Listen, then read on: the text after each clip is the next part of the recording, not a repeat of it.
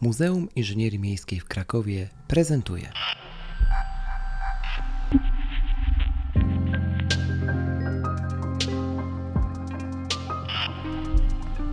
Mimcast. Miasto i my.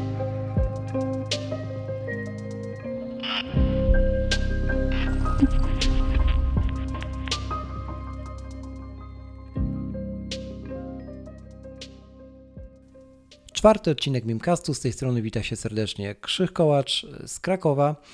Dzisiaj rozmowa z gościem wyjątkowym, dlatego że nie bezpośrednio związanym z tematyką miejską, ale jednak blisko związanym. O tym dlaczego porozmawiamy sobie oczywiście za chwilę.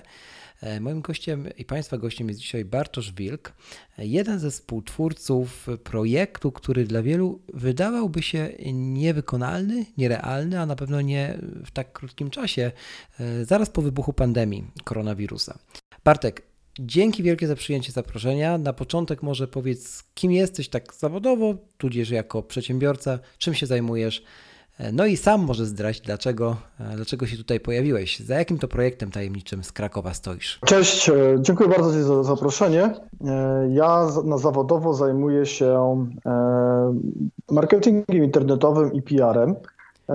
Z tego żyję na co dzień i hmm. tym to jest jakby mój główny przedmiot zainteresowań. Poza tym działam i współtworzę kilka organizacji pozarządowych, z którymi mam przyjemność zawsze współpracować i je rozwijać powolutku. I mając tak szerokie zainteresowania i koneksje, trafiłem do Ventilate razem z moimi kolegami i od tego się wszystko zaczęło. Ventilate Czyli do czego? Czyli do jaki, jaki projekt to tak naprawdę jest i z czym jesteście związani? Jesteś tajemniczy do tej pory. I dlaczego właściwie temat pandemii?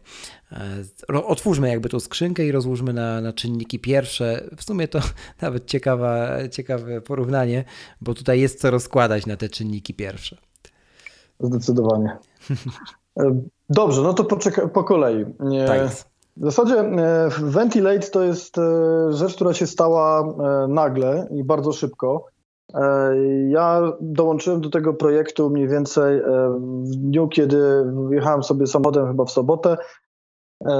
To był koniec, ostatnia sobota marca, chwilę przed tym, zanim nas w domach pozabiekali i zadzwonił do mnie Szymon Chrupczalski z Urbicum. To jest mój stary, dobry kolega, z którym pracowaliśmy dawniej w jednej fundacji. Potem on pracując w firmie Urbicum również jakby e, nawiązał ze mną współpracę, bo ja im troszeczkę pomagałem pewne rzeczy marketingowe ogarnąć. Mhm. No i dzwoni do mnie i mówi, słuchaj Bartek, jest temat, e, bo mamy respirator zrobiony na drukarce i zaangażowany jest jeszcze tutaj Miłosz, który, o którym zaraz powiem i on tutaj wszystko to tak rozkręcił, że robimy, robimy stronę, robimy wielką akcję, bo musimy wezwać masę ludzi na pokład, bo będziemy, żeby, żeby to rozwijać, bo, bo mamy coś, co może się przydać. Może coś pomóc ludziom, bo, bo brakuje respiratora. Ja tak, no dobrze, okej. Okay. Przyjechałem do domu, e, otworzyłem laptopa i zacząłem patrzeć, e, przeglądać tę całą korespondencję, te wszystkie informacje, które mi tam chłopaki wysłali. E, I o co chodziło? E, okazało się, że e, dwaj inni koledzy, którzy jakby są takim głównym inżynieryjnym mózgiem całego projektu, to jest Mateusz Janowski i Szymon Bacher. Mhm. Mateusza będę określać mianem Dexter, bo tak go pamiętam, no, bo ma taką ksywkę i generalnie okay. to czasami zapomina, jak go ma na imię. Siedzieli sobie i dywagowali na temat tam u siebie w zespole, bo oni się na co dzień drukiem 3D zajmują. Mhm. E, siedzieli sobie, rozmawiali na temat, śledzili tam oczywiście jak wtedy wszyscy doniesienia na temat e, postępów pandemii, szczególnie wtedy, tego, co się działo wówczas w Lombardii. No i zaczęli się zastanawiać, no, no dobra, no brakuje respiratorów, że tam już jest problem poważny. I to myślę, kurczę, no co się będzie działo w momencie, kiedy e, w tak bogatym regionie jak Lombardia zaczyna tego brakować, to co będzie, jak ten COVID się roz, rozpleni na mhm. trochę gorsze, na uboższe tereny, gdzie w ogóle takich rzeczy nie będzie. I co zrobimy? Co wtedy będzie? To będzie masakra. No i z takiej rozmowy wzięli, wyszukali w internecie, jak w ogóle jest e, skonstruowany taki respirator, jaka jest jego, no są generalnie przynajmniej takie ogólne plany takich urządzeń mm. są nawet na Wikipedii. No i stwierdzili, hmm, a może by to spróbować jakoś zrobić. No i siedzieli e, i kombinowali. Niezależnie oni tak jakby równolegle zaczęli pracować nad różnymi wersjami tego urządzenia. No i się okazało, że w zasadzie po, e, po, po weekendzie, w tym wcześniejszym jeszcze marcowym, e, Dexter e, stwierdził, no słuchajcie, no mam, mam, mam respirator. Zrobiłem taką pompę, można to wszystko wydrukować na drukarce 3D i w zasadzie można by było to udostępnić do neta. No oczywiście trzeba, to jest prototyp, można by to jeszcze jakoś poprawić, ale no przynajmniej jest jakiś tam sposób urządzenie ratujące życie. No ta pompa według tych zaleceń, które są według tej dokumentacji, która jest w necie, działa. I on powinien faktycznie działać. No dobra, no i wtedy się odezwali do Miłosza Lodowskiego, który jest jakby tutaj też, który, z którym ja też pracuję notabene. No i e, Miłosz stwierdził, chłopaki, przecież to jest niesamowite, dobra, to słuchaj, zrobimy to, musimy wokół tego zrobić dużo szumu. E, Miłosz to zrobił wokół tego szumu, że ten szum dalej trwa. E, to prawda. Tak, no, wyzwał, wysłał jednego swojego kolegę, Miłosza Kozioła, żeby nakręcił taki szybki spot, taki call to action do ludzi, mhm. żeby powiedzieć o co chodzi, żeby wezwać jakby ludzi na pokład, że słuchajcie, mamy, mamy taki projekt, pomóżcie nam go poprawić, rozwinąć, ulepszyć, żeby, żeby faktycznie ratował e, ludzi. Ludzkie no bo życie. my też jakby, tak, no nie udawaliśmy też, że to jest już super, mhm. wypuściliśmy w dwa dni po prostu jakieś cudo, które nie będzie mhm. wymagało ulepszeń, zupełnie tak nie było, tylko po prostu raczej na zasadzie mamy jakiś, mamy coś, co być może pomoże jakby pchnąć pewien temat do przodu. Mhm. I e, no i Miło stworzył tam nazwę, wymyślił nazwę Ventilate, zrobił szybko logo, no i generalnie to wszystko tak po, poszło, że potem zadzwonili w sobotę kolejną do mnie, a w poniedziałek odpaliliśmy to wszystko. Już była strona, pierwsza mhm. wersja, poszedł filmik na YouTubie i... a potem minął tydzień, się obudziłem tydzień później. Bo to, to tak można powiedzieć. Tak, to też jest niesamowita e, taka dynamika działań, zwłaszcza w takim okresie zapalnym, jakim, jakim był wybuch pandemii. Trochę nakreślając ten temat jeszcze miasta, no bo jakby to przeciążenie y, tutaj y, szpitali, czy w ogóle ośrodków zdrowia e, było widać tak ad hoc y, już w pierwszych tygodniach, tak, że, że jakby brakuje tych, tych nie tylko sprzętu, nie tylko mm, ochronnych, ochronnej garderoby, czy maseczek, czy, czy fartuchów, czy wszystkiego generalnie zaczęło brakować i w wielu tak. miejscach do dziś z tym kryzys jest i to trzeba sobie powiedzieć otwarcie.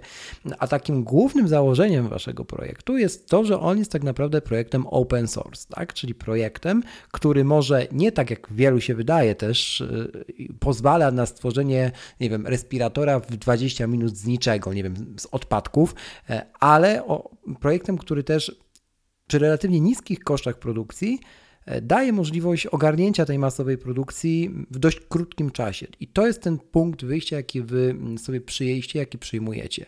I teraz pytanie brzmi, czy już na ten moment mamy sierpień, tak?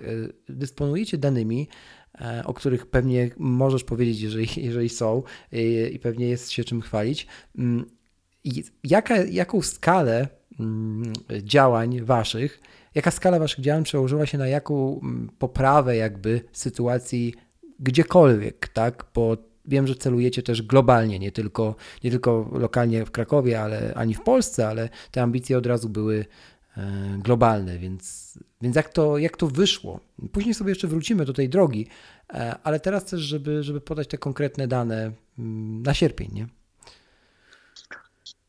Na, na, na Stan na początek sierpnia jest taki, że udało nam się w zasadzie e, wywołać szum.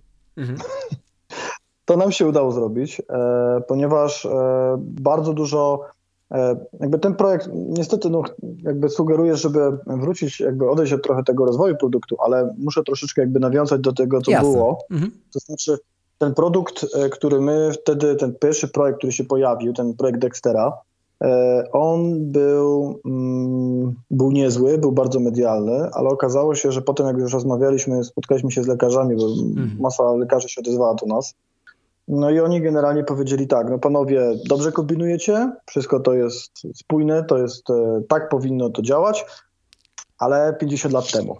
A teraz to trochę okay. technologia poszła do przodu i konstrukcyjnie to był projekt, powiedzmy, to było dobre. Natomiast dzisiaj wiemy więcej i choćby to, że po prostu wówczas te respiratory były troszeczkę były prostsze, ale też były, nie działały tak jak trzeba e, i trzeba go rozwinąć. Mm, I oni tam, poza tym jest jeszcze specyfika COVID-u, który jest e, mhm. chorobą bardzo mm, nieprzewidywalną.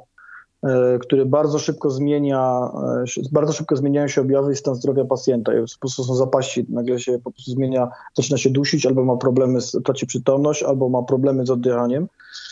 I ten oddech jego jest nieregularny. Do tego on musi mieć podawany cały czas czysty, czysty tlen, dlatego mhm. że E, pacjenci z COVID-em są strasznie, jakby to nazwać, tlenożerni. Oni po prostu pochłaniają przeogromne ilości tlenu e, i z więcej niż zdrowy człowiek I, i, jest problem. Zresztą później w wielu krajach, we Włoszech czy w Wielkiej Brytanii, tam są informacje, wiele było takich newsów, zresztą w całym świecie praktycznie, tam gdzie było tego, ta pandemia się rozeszła, że był problem po prostu z zbiornikami z tlenem.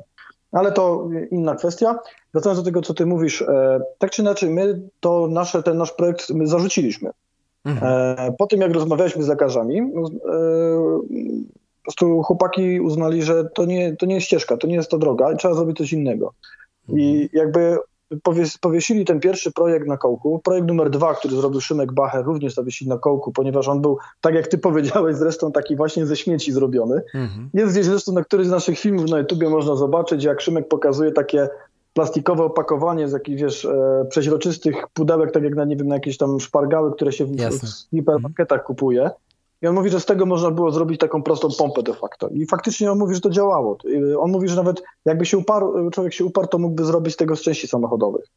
E, tylko, że jakby problem był, dokładnie to z, wentylatora samochodowego, ale problem był taki, że mm, jakby po tym, jak lekarze nam otworzyli oczy na wiele rzeczy, E, powiedzieli, podzielili się swoją wiedzą, jeszcze powiedzieli nam dużo na temat specyfiki tej choroby. E, my właśnie stwierdziliśmy, że dobra, to w takim razie robimy now, coś nowego, ten Ventilate trójka, to co jest teraz. Mhm. E, I, I, ten projekt faktycznie mm, poszedł w świat. Znaczy poszedł, jeszcze nie poszedł do końca, ponieważ My jesteśmy trochę teraz mm, na takim trochę dziwnym etapie. E, być może jak opublikujesz ten, ten podcast, to już ten etap będzie zakończony. Generalnie my się źle, źle z nim czujemy bardzo, ponieważ jesteśmy strasznie zagrzebieni od ponad półtora miesiąca w papierach. Mhm. E, I tak, no jesteśmy... tutaj urządzenia medyczne to jest też proces e, certyfikacyjny. Ty zacząłeś trochę ten wątek całej historii od, od tak. spotkania tak. z lekarzami i to wiele startupów przez to, przez to przechodziło, mniejszych lub większych, albo przechodzi, e, to trochę, trochę to troszkę takie zderzenie Wikipedii czy wujka Google z rzeczywistością szpitala, czy mówiąc wprost izby przyjęć, tak? I, I to rzeczywiście jest ściana, z którą się mm, startupy medyczne spotykają, ale e, się nie poddajecie i, i właśnie kontynuując, jesteście w papierologii. Na jakim etapie teraz e, tak naprawdę? E, no nie poddajemy się choćby i jest to o tyle ciekawe, że faktycznie udało się, pomimo tych, tego zderzenia się faktycznie tej Wikipedii, jak to dobrze ująłeś, mm. z, z wiedzą specjalistyczną, mimo wszystko tutaj Szymek i Dexter faktycznie zrobili coś nowego i oni faktycznie mm. zastosowali ileś tych rozwiązań i tak spojrzeli na cały problem, że faktycznie stworzyli urządzenie, które jest innowacyjne. I tutaj jest przez, przez innowacyjne przez duże i. E, do tego stopnia, że z tego powstanie myślę, że nawet kilka co najmniej patentów, bo takie już mhm. są złożone wnioski patentowe, także im się naprawdę mhm. parę rzeczy udało. E, I mm, obecnie jesteśmy na mm, w takiej sytuacji obecnie, że mm, jakby certyfikacja jest tematem, to jest jeden z tylko z tych części papierowych, które musimy. Mhm. E, bo wbrew pozorom jakby dla nas jakby certyfikacja jest rzeczą trudną. Dla nas jest to tyle specyfika, że my się, nikt z nas nie jest lekarzem, nikt mm. nie jest z branży medycznej i my się na tym w ogóle nie znamy. My się tego musieliśmy wszystkiego uczyć. E, uczyć się procedur. Tam um, koledzy, którzy są prawnikami, którzy nam pomagają przy tym wszystkim, też powiedzmy strony formalno-prawnej, to to ogarnąć, i których robota była niezastąpiona przy tym projekcie. Oni, oni też na przykład musieli błyskawicznie się w ogóle zaznajomić z czym, jakie są procedury certyfikacji medycznej, jak to działa, jak to wygląda. Na tą chwilę e, jesteśmy w trakcie e, jakby zgłaszania wniosku certyfikującego do jednego z, jednego z instytucji zajmujących się wydawaniem takich certyfikatów. E, to będzie jakby taki pierwszy, ale to jest jakby pierwszy krok, ponieważ on nam na przykład nas wymaga, jeśli się teraz nie mylę, jeśli coś namieszałem, to wybacz, ale nie jestem akurat aż tej procedury tak dokładnie jak się, jakby nie prześledziłem. E, potem dopiero ta pierwsza certyfikacja pozwoli nam dopiero się później wejść za, wziąć za testy e, kliniczne. I zbadanie tego urządzenia na pacjentach i, że tak powiem, zachowanie wszelkich procedur. Dopiero w momencie, kiedy my to przejdziemy, dopiero wtedy faktycznie możemy mówić o takiej mm, certyfikacji, dopiero wówczas tak naprawdę na terenie Polski lub można szerzej, ponieważ no w miarę tutaj te certyfikaty są paneuro, mają charakter paneuropejski, mhm. będą mogły być one legalnie użyte e, w krajach Unii Europejskiej przez lekarzy. Natomiast, i tutaj jest, i tutaj jakby wracam do tego, co na początku wyszedłeś od tego, E, odezwało się do nas bardzo dużo ludzi. Jeszcze przy pierwszym projekcie, przy tych drugich spotkaniach i, i mailowaliśmy i dzwonili do nas i pisali na Facebooku, LinkedInie, w różnych miejscach, gdzie się tylko nas udało złapać, e, że na przykład e, że na przykład nawet ten pierwszy prototyp, który poszedł, że dla nich to było jakieś tam, dla nich to im to otworzyło oczy, że po prostu spojrzeli na program zupełnie inaczej, oni coś tam drukowali, że oni nagle zaczęli te respiratory trochę pchnęły ich badania i ich e, projekty. Tam takie maile miałem z Meksyku, miałem maile takie z Ruandy, e, z, e, w Indiach w ogóle to nawet jest chyba Times of India e, opublikował nawet filmik, jak nasz prototyp jest e, testowany. E, jakaś tam firma, nie pamiętam, chyba z branży kolejowej bodajże, jeśli się mylę, po prostu ich dział RID hmm. zaczął, po prostu zrobił ten nasz prototyp i to zrobili, to pokazali to mediom. I faktycznie siedzą nad tym, e, a to była ta pierwsza wersja. Natomiast e, potem faktycznie też było i chodziło o to, żeby faktycznie to pchnęło troszeczkę tą wiedzę. Natomiast o co chodzi z tą certyfikacją? E, procedury europejskie są takie, jakie są. I my trochę teraz, zwłaszcza w Polsce, jesteśmy trochę, jak to nazywam, ofiarami własnego sukcesu, ponieważ u nas mimo wszystko ta skala zachorowań jest relatywnie niska. Mhm. Do tego u nas u nas respiratorów nie brakuje. Przynajmniej taką wiedzę wiem, że na początku lipca jeszcze było ok. Nie wiem jak jest teraz, ale myślę, że dalej wciąż jest jeszcze w miarę spoko. I u nas tych respiratorów nie brakuje, więc u nas jakby nie ma takiego ciśnienia. Podejrzewam, że gdyby to się działo, było, mielibyśmy sytuację jak w Lombardii w kwietniu, to hmm. może ta certyfikacja byłaby zrobiona e, szybciej, tak powiem, warunkach bojowych. Szybciej. Mhm. Tak, tak, tak. No niestety, ale to wiesz, no, pewne sytuacje wymusza przymknięcie tak, oka na wiele rzeczy, natomiast jasne. kiedy ich nie ma takiej potrzeby, to, to idzie to wolniej. I tak jest teraz na przykład. My też, e, no u nas my na przykład w kwietniu, maju, to tak jak powiedziałem tam żartobliwie, że się obudziłem tydzień później, trochę tak było, wiesz, marzec to był szalony czas, ja w ogóle lockdownu nie zauważyłem po prostu, bo mhm. Siedziałem od 6 do 22 często i po prostu ogarnialiśmy wszystko i to, była, to był młyn niesamowity. Natomiast e, urządzenia, jak, e, wracając do tego e, certyfikacji, e, w wielu państwach e, i my jakby w momencie, kiedy teraz opublikujemy tą dokumentację, e, już jesteśmy, że tak powiem, posłowie, natomiast mhm. jeszcze nie możemy oficjalnie powiedzieć, zadeklarować, że po prostu w kilku krajach wezmą to od nas na zasadach licencji, wezmą dokumentację, wezmą licencję na to i będą sobie to produkować i certyfikować we własnym zakresie. Mhm. Że po prostu. Ściągając oni, z Was całą legislację dalszą, tak? Jakby... Tak, znaczy po mhm. prostu to będzie, dajmy na to, nie wiem, weźmiemy sobie jakieś państwo gdzieś, powiedzmy mhm. w Ameryce Południowej i zupełnie randomowo wymyślam. E, I to państwo po prostu, ponieważ mają bardzo ważną sytuację, więc oni, że tak powiem, na pewne mhm. przyspieszą te pewne rzeczy, no bo nie będą się bawić, bo im się spieszy. I oni sobie to u siebie certyfikują. E, ten certyfikat oczywiście, jak to często bywa w świecie, prawdopodobnie będzie uznawany tylko w ich kraju, natomiast u nich to już zrobi, tak. tą, zrobi to, co mhm. powstało Ventilate.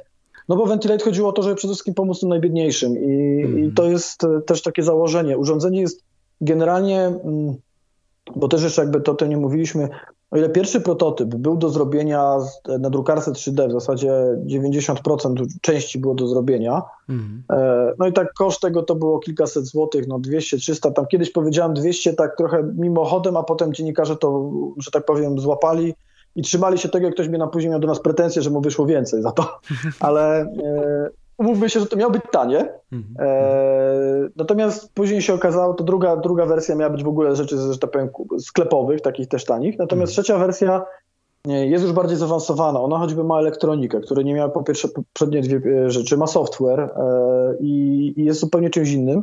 Natomiast wciąż jakby myślą przewodnią e, całego procesu e, twórczego, bo tak to trzeba nazwać, mhm Szymona i Dextera, bo to przede, przede wszystkim ich ciężka praca, e, było, żeby to wciąż było proste, e, tanie w produkcji. I oni na przykład zakładali, że nawet jeśli ta elektronika będzie, to to będzie do zrobienia na płytkach, które będą do kupienia, które zalegają po prostu wszędzie w magazynach w każdym mhm. kraju. Więc nawet jeśli nagle zrobimy sobie lockdown bis i cały świat się znowu pozamyka, łańcuchy dostaw zostaną przerwane, znowu nie będzie tej komunikacji między poszczególnymi krajami, nie będzie handlu, to, to na tych zapasach, które gdzieś tam się po różnych rzeczach poskładają, nawet w takich powiedzmy naprawdę biednych rejonach, powinno się dać to zbudować. I po prostu w miarę, jakaś tam w miarę taka powiedzmy ogarnięta fabryczka, jak ktoś ma powiedzmy przemysł samochodowy, to już w ogóle, ale generalnie mając minimalny przemysł, jest się w stanie to, będzie, się w stanie to produkować. I o to nam chodziło i to się udało.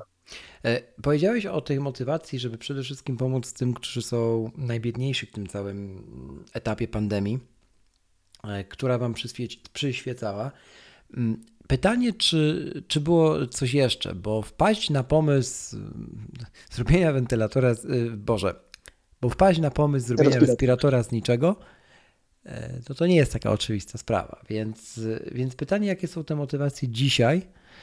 E, I nie tylko to są respiratory, bo produkujecie też z tego, co przynajmniej można wyczytać na waszej stronie, e, odzież, tak? Poszliście w maseczki, w filtry różnego rodzaju, co wydaje się być bliższe, takie bardziej przystępne i, i, chyba też potrzebne na tu i teraz, zwłaszcza patrząc na nasze krajowe poletko. Więc pytanie, jak na tym mm, obszarze też działacie, tak? Na obszarze tej odzieży ochronnej, maseczek. Czy jakieś te działania są intensyfikowane, czy, czy to jest coś, co po prostu dołożyliście do tego głównego trzona działalności e, waszej? To, co powiedziałeś, to, jest, to zostało dołożone. To są rzeczy, które też zaobserwowaliśmy, że jest potrzeba mhm. E, rozwiązania pewnych problemów. E, takim rzeczą jest na przykład tam projekt, który jest no, trochę teraz niestety zawieszony. To są generatory mm, kondensatory tlenu, koncentratory tlenu, przepraszam, to jest najlepsze słowo, koncentratory tlenu, czyli po prostu urządzenia, które pozwolą w dość prosty sposób e, zrobić zbiornik z tlenem mm. przy pomocy dość, dość prostych założeń. E, ale tak nas ten respirator wciągnął, po prostu tyle było przy nim pracy, wciąż jest tyle przy nim pracy, mhm. że zwyczajnie, nie, a ponieważ no siłą rzeczy my jeszcze, powiedzmy jak minął ten cały okres euforii, no, musieliśmy trochę wrócić do swojej rzeczywistości, to znaczy ratować swoje firmy, swoje życie i swoje mhm. prace, więc e, trochę musieliśmy pewne rzeczy. No nie możemy teraz działać, pracować przy Ventilate na 250% tak jak pracowaliśmy mhm. wcześniej, bo wtedy to tak wyglądało. Teraz pracujemy przy Ventilate na jakieś 40% cały czas. Mhm. E, to i tak jest bardzo dużo, ale no niestety no nie jesteśmy w stanie inaczej tego zrobić, bo mamy swoje rzeczy swoje, swoje no bo szkoda by było po prostu kosztem tego ratowania świata niestety na przykład pogrążyć własną firmę. To jak to, jak to e, mówisz, tak najpierw, najpierw ratuj siebie, żeby uratować innych też, nie? To trochę tak samolotowo nawiązuje. No, no trochę niestety tak to wygląda. No, mhm. E, wtedy działaliśmy na, wtedy my przez długi czas płynęliśmy na swoich oszczędnościach, mhm. na swoich jakichś tam zasobach. Mhm. Potem oczywiście udało nam się pozbierać trochę pieniędzy z Dostaliśmy, mm, dostaliśmy grant z Polskiej Fundacji Narodowej, mhm. dostaliśmy, udało się zbiórkę na odpad projekt całkiem nieźle poprowadzić. Były indywidualne zbiórki, ale powiedzmy, że to poszło bardzo dużo w koszty bieżące, takie jak zakupy podzespołu i różne tam maszynki, które były potrzebne. E, tak czy inaczej, e, bo nie o tym mówimy. E, mowa jest o o motywacji. O tych urządzeniach wszystkich. Mhm. Tak, tak, o motywacji, znaczy też o tym, że się, na czym się skupiliśmy. To znaczy, e, sprawa wyglądała w ten sposób, że e, jakby te koncentratory po prostu nie mieliśmy czasu na nie. Tak samo było przejściówki, e, to nie jest tak, że my je wytwarzamy. My zauważyliśmy i od razu tak dość szybko w praniu, ponieważ jest masa ludzi w Polsce i to było niesamowite, to w ogóle było niesamowite mhm. zjawisko, które było mm, w Polsce, nie tylko, że ludzie sobie pomagali sami, prawda, na przykład drukowali, czy to zamawiali jedzenie do tych szpitali, czy drukowali mhm. te przejściówki. I, ale w pewnym momencie zauważyliśmy, że problem był taki, że właśnie, że nie było plików z tymi przejściówkami, że trzeba było to jakoś e, ujednolicić. Jeszcze, I my jeszcze mieliśmy też... tą przywilej. Tak? Jeszcze też przerywając i prosząc tak, tak, tak. o dopracowanie, przejściówki, czyli co? Tak żebyśmy mieli pełne zrozumienie tematu, bo pewnie e, większość Dobrze, słuchaczy nie będzie kojarzyła. wspomniałeś o odzieży. Wspomniałeś o odzieży. Aha. E, natomiast my generalnie nie robimy odzieży. E, I, I, jedyne co robimy to przejściówki do masek, ponieważ był problem taki, że znaczy problem. W zasadzie to nie był. Mm, tak jak wspomniałeś, zresztą wszyscy o tym wiemy, w szpitalach brakowało sprzętu, tak? Maseczek, płynu dezynfekujące, etc., etc. E, to zresztą nie była specyfika tylko polska, po prostu praktycznie chyba poza Azją Wschodnią, która się SARS swego czasu e, mocowała, po prostu nikt na świecie nie był przygotowany. Także, e, bo wszystkich to zaskoczyło. Więc to było pospolite ruszenie, jakby nie patrzeć. I, i, w, i to pospolite ruszenie na przykład tam było, chodziło o to, że no żeby mm, ludzie jeżdżący karetkami, czyli, e, czy pracownicy izby przyjęć, czy generalnie w szpitalach, zwłaszcza w tych najbardziej zagrożonych obszarach, mogli mieć, e, no, byli należycie chronieni, no bo przecież personel medyczny był najcenniejszy i jest najcenniejszy. E, I oni i jakby na, na, doświadczeniach włoskich zauważono, że bardzo dobrze się sprawdzają po prostu zwykłe, klasyczne te maski do nurkowania. Mhm. E, I takie zwykłe po prostu, które tam mieliśmy z jednych e, producentów też tutaj wiodących marek e, w Polsce również. Chyba nie mogę pozwolić sobie na kryptoreklamę, chociaż tam generalnie można znaleźć newsa, że właśnie jeden z większych sieci produkujących czy sprzedających sprzęt sportowy ponad tysiąc co najmniej, jak nie więcej. Generalnie to są przynajmniej czterocyfrowe liczby po prostu takich masek przekazała na rzecz szpitali. Tylko, że to jest połowa sukcesu, bo to z tego, że masz maskę, skoro ty jeszcze musisz mieć zabezpieczenie. I te maski potrzebowały filtra. E, to są tak zwane filtry HEPA. E, to są mhm. popularne tak na przykład w oczyszczaczach powietrza, tak, tak. E, teraz popularnych, zwłaszcza jak ktoś mieszka w Krakowie, to wie o co chodzi. Potwierdzam. No właśnie, więc, więc generalnie chodziło o to, żeby po prostu, żeby te maski, te filtry są generalnie nie były jakoś strasznym towarem deficytowym, na przykład na stanach wojskowych było tego bardzo dużo w magazynach wojskowych. Z tym, że problem był taki, że one często na przykład do tych masek nie pasowały. Chodziło o zrobienie przejściówki. E, czyli mhm. czegoś, co po, pozwoli e, no, dopasować to tak, żeby było szczelnie, żeby żaden ten, ten wirus e, nie przedostał się przez mhm. ten filtr i pracownik medyczny był bezpieczny. A chodziło też o to, że te maski są fajne, bo są naprawdę, można godzinami w nich chodzić. Takie przynajmniej mamy feedback od lekarzy, Zresztą jak ktoś nurkuje, to na pewno potwierdzi, że po prostu można w tym mieć to godzinami i się da żyć. I po prostu i to nie jest, nie ma jakichś obtarć, nie ma jakichś tam strasznych mm. problemów z tym.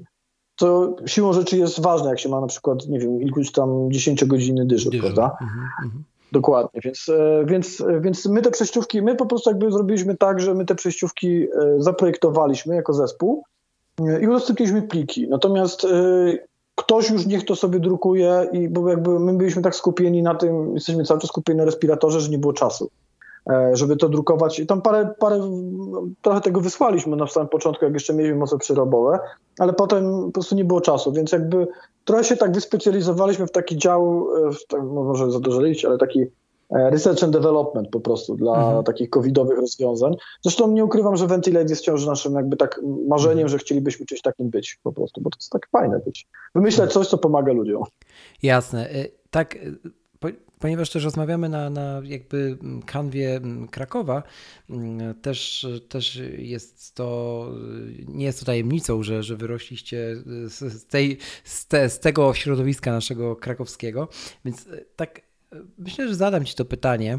E, I co, co jest takiego, że budzisz się rano jako chłopak z Krakowa, tak, przedsiębiorca, nieważne, student, szalony naukowiec, Dexter, e, i wpadasz na pomysł, dobra, zrobię coś, bo jest pandemia, świat potrzebuje też mnie, a ja chyba wiem, co mogę zrobić, tak?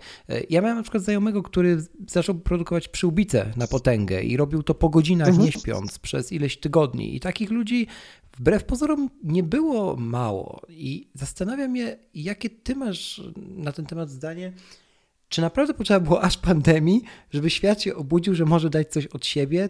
To trochę podprogowe pytanie, ale zadaję je wielu osobom, bo, bo nie przestajemy to fascynować po prostu. Okej. Okay. Znaczy, w ogóle to jest pytanie wielopłaszczyznowe, no. więc postaram się odpowiedzieć e, w miarę spójnie, mhm. chociaż jak widzisz, mam tendencję do dywagacji, także będę tego nie strofuj. Nie, nie większą niż ja. Dawaj. no to dobrze. E, więc e, mm, po kolei, znaczy zacznę od końca może w ten mhm. sposób. E, jest, e, na dniach wyjdzie bardzo interesujący raport. Ja Cię zachęcam do, do śledzenia wątku. Na pewno na naszym profilu udostępnimy informacje mhm. E, I będzie o, nim, o nim troszeczkę pewnie też w mediach. E, raport będzie miał tytuł e, Pandemia pomocniczości.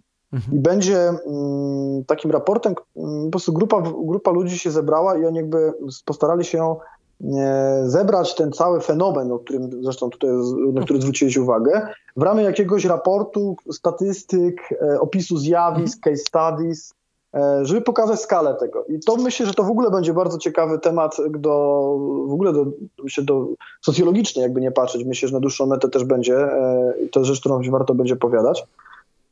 Natomiast co kierowało ludzi? Kurczę, wiesz co, wiesz, ciężko mi mówić, ja, ja cały czas jakby tutaj oddaję honor pierwszeństwa przede wszystkim właśnie Szymonowi Mateuszowi, czy Dexterowi mm. i Szymonowi. E, którzy to byli jakby głównymi motorami mm, takimi koncepcyjnymi. Oni Ventilate stworzyli koncepcyjnie e, i to jest ich zasługa niebywała. E, mnie, czy właśnie Miłoszowi, czy drugiemu Szymonowi, czy reszcie zespołu, którego tutaj można by wymienić próba na 20 osób, większości przyświecało przede wszystkim to, żeby pomóc i pomóc temu projektowi, bo uwierzyliśmy, że to jest coś fajnego i to coś zrobi w języku angielskim jest fajne określenie make a difference. E, w języku polskim nie, nie, zna, nie, nie kojarzę takiego dobrego terminu na to, ale wiesz chyba o co mi chodzi, no nie? że coś, zrobić jakąś tą drobną zmianę, mm. która po prostu coś pójdzie na świat i, to, i, i, po prostu jakby nikt, to w ten sposób było, to było to było tak myślane. Zresztą powiem ci, że cały czas tak jest i, mm. i jak rozmawiam z chłopakami, to, to oni się bardzo, y, oni są bardzo strasznie się bardzo emocjonalnie tego tematu podchodzili, podchodzą mm. dalej.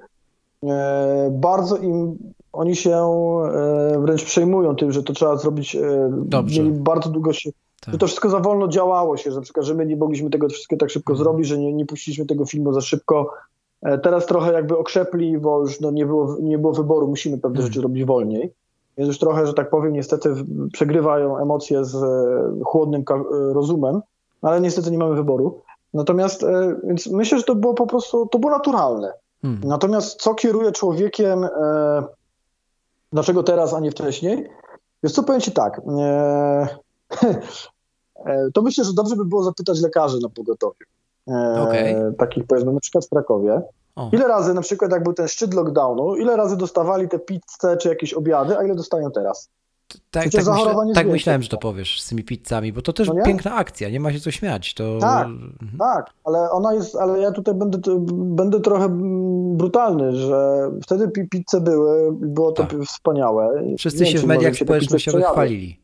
Tak, to, to było super, tak, tylko że, tylko że zwróć uwagę, że mamy teraz więcej zachorowań. To prawda. I czy teraz dostają obiady? Zwracam uwagę, zwracam również uwagę, jak wychodzę z domu, że mimo, że mamy więcej tych e, zachorowań, to jednakowoż mało jest takich na przykład krakowskich dzielnic, gdzie e, ludzie mają respekt do zakładania maseczek, e, chociażby w sklepach spożywczych. Tak? Oczywiście są no takie się. dzielnice. To, ale, tak, no. się zgadzam się. To, to, to jest odrębny temat i, i też hmm? swoją drogą, ale zgadzam się, że tutaj jest oczywiście E, to też jest trochę tak, że faktycznie, że podejście do personelu medycznego się trochę zmieniło. Znaczy inaczej, ludzie nie widzą tych lekarzy. Kiedyś to było bycie brawa, tak, tam, tam we Włoszech, w Wielkiej Brytanii, w Niemczech, we Francji, ludzie w Polsce bili brawo lekarzem, było takie, wszyscy tak wspaniale, było tak wspaniale. Teraz trochę weszła taka szara rzeczywistość, jakby nie widzimy tego, że dalej jest problem, bo on nie zniknął wbrew pozorom, chociaż go bagatelizujemy. E, zresztą e, przy Ventilate akurat było to, że mm, jedną z rzeczy, które tak naprawdę na samym początku jakby u nas gdzieś tam było jakby takim głównym, e, jak to nazwać? Motorem. Fundamental, motorem, może nie, to jest jakby fundamentalną zasadą. O, poza tym, że okay. to ma być tanie, jest to, że zasada brzmiała, personel medyczny jest bezcenny i niezastąpiony. Bo prawda jest taka, że możesz to z tego, że masz 10 respiratorów, skoro nie masz personelu, który może ci podłączyć do tego respiratora, prawda? To, to co z tego, że ty masz mhm. A taki, a zresztą to jest jeszcze inna rzecz, bo to jest jeszcze bardzo dużo na temat respiratorów, to można niuansować trochę, znowu to zrobię, ale warto o tym powiedzieć. Respirator respiratorowi nierówny. Te respiratory, które są powiedzmy takie profesjonalne, wypasione mm. sprzęty za kilkadziesiąt tysięcy złotych, one są wspaniałym sprzętem, natomiast one wymagają tak, intubacji pacjenta, którego trzeba wprowadzić w książkę farmakologiczną, którego trzeba cały czas monitorować, który musi być cały czas e, no, obsługiwany, no bo wiadomo, ten człowiek jest e, w śpiączce, tak, farmakologicznie, ma rurę w gardle, mhm. E, w tchawicy. Natomiast e, nasze urządzenie zakłada, że no nie będzie dla tych ludzi, tylko będzie, bo taki, tylko będzie dla tych, którzy są w takim średnim stanie, którym trzeba podać ten, bo żeby się nie dusili i się czuli lepiej, lepiej wracali do zdrowia. E, I, I takie już osoby nie będą potrzebowały non-stop opieki pielęgniarki, lekarza i jeszcze dwóch innych salowych, mhm. tylko będą w stanie w miarę, no będą w stanie samodzielne, mogą wyjść do toalety, mogą, nie wiem, zjeść coś, napić się, tak obejrzeć film na YouTubie, cokolwiek. Więc są mniej problematyczne.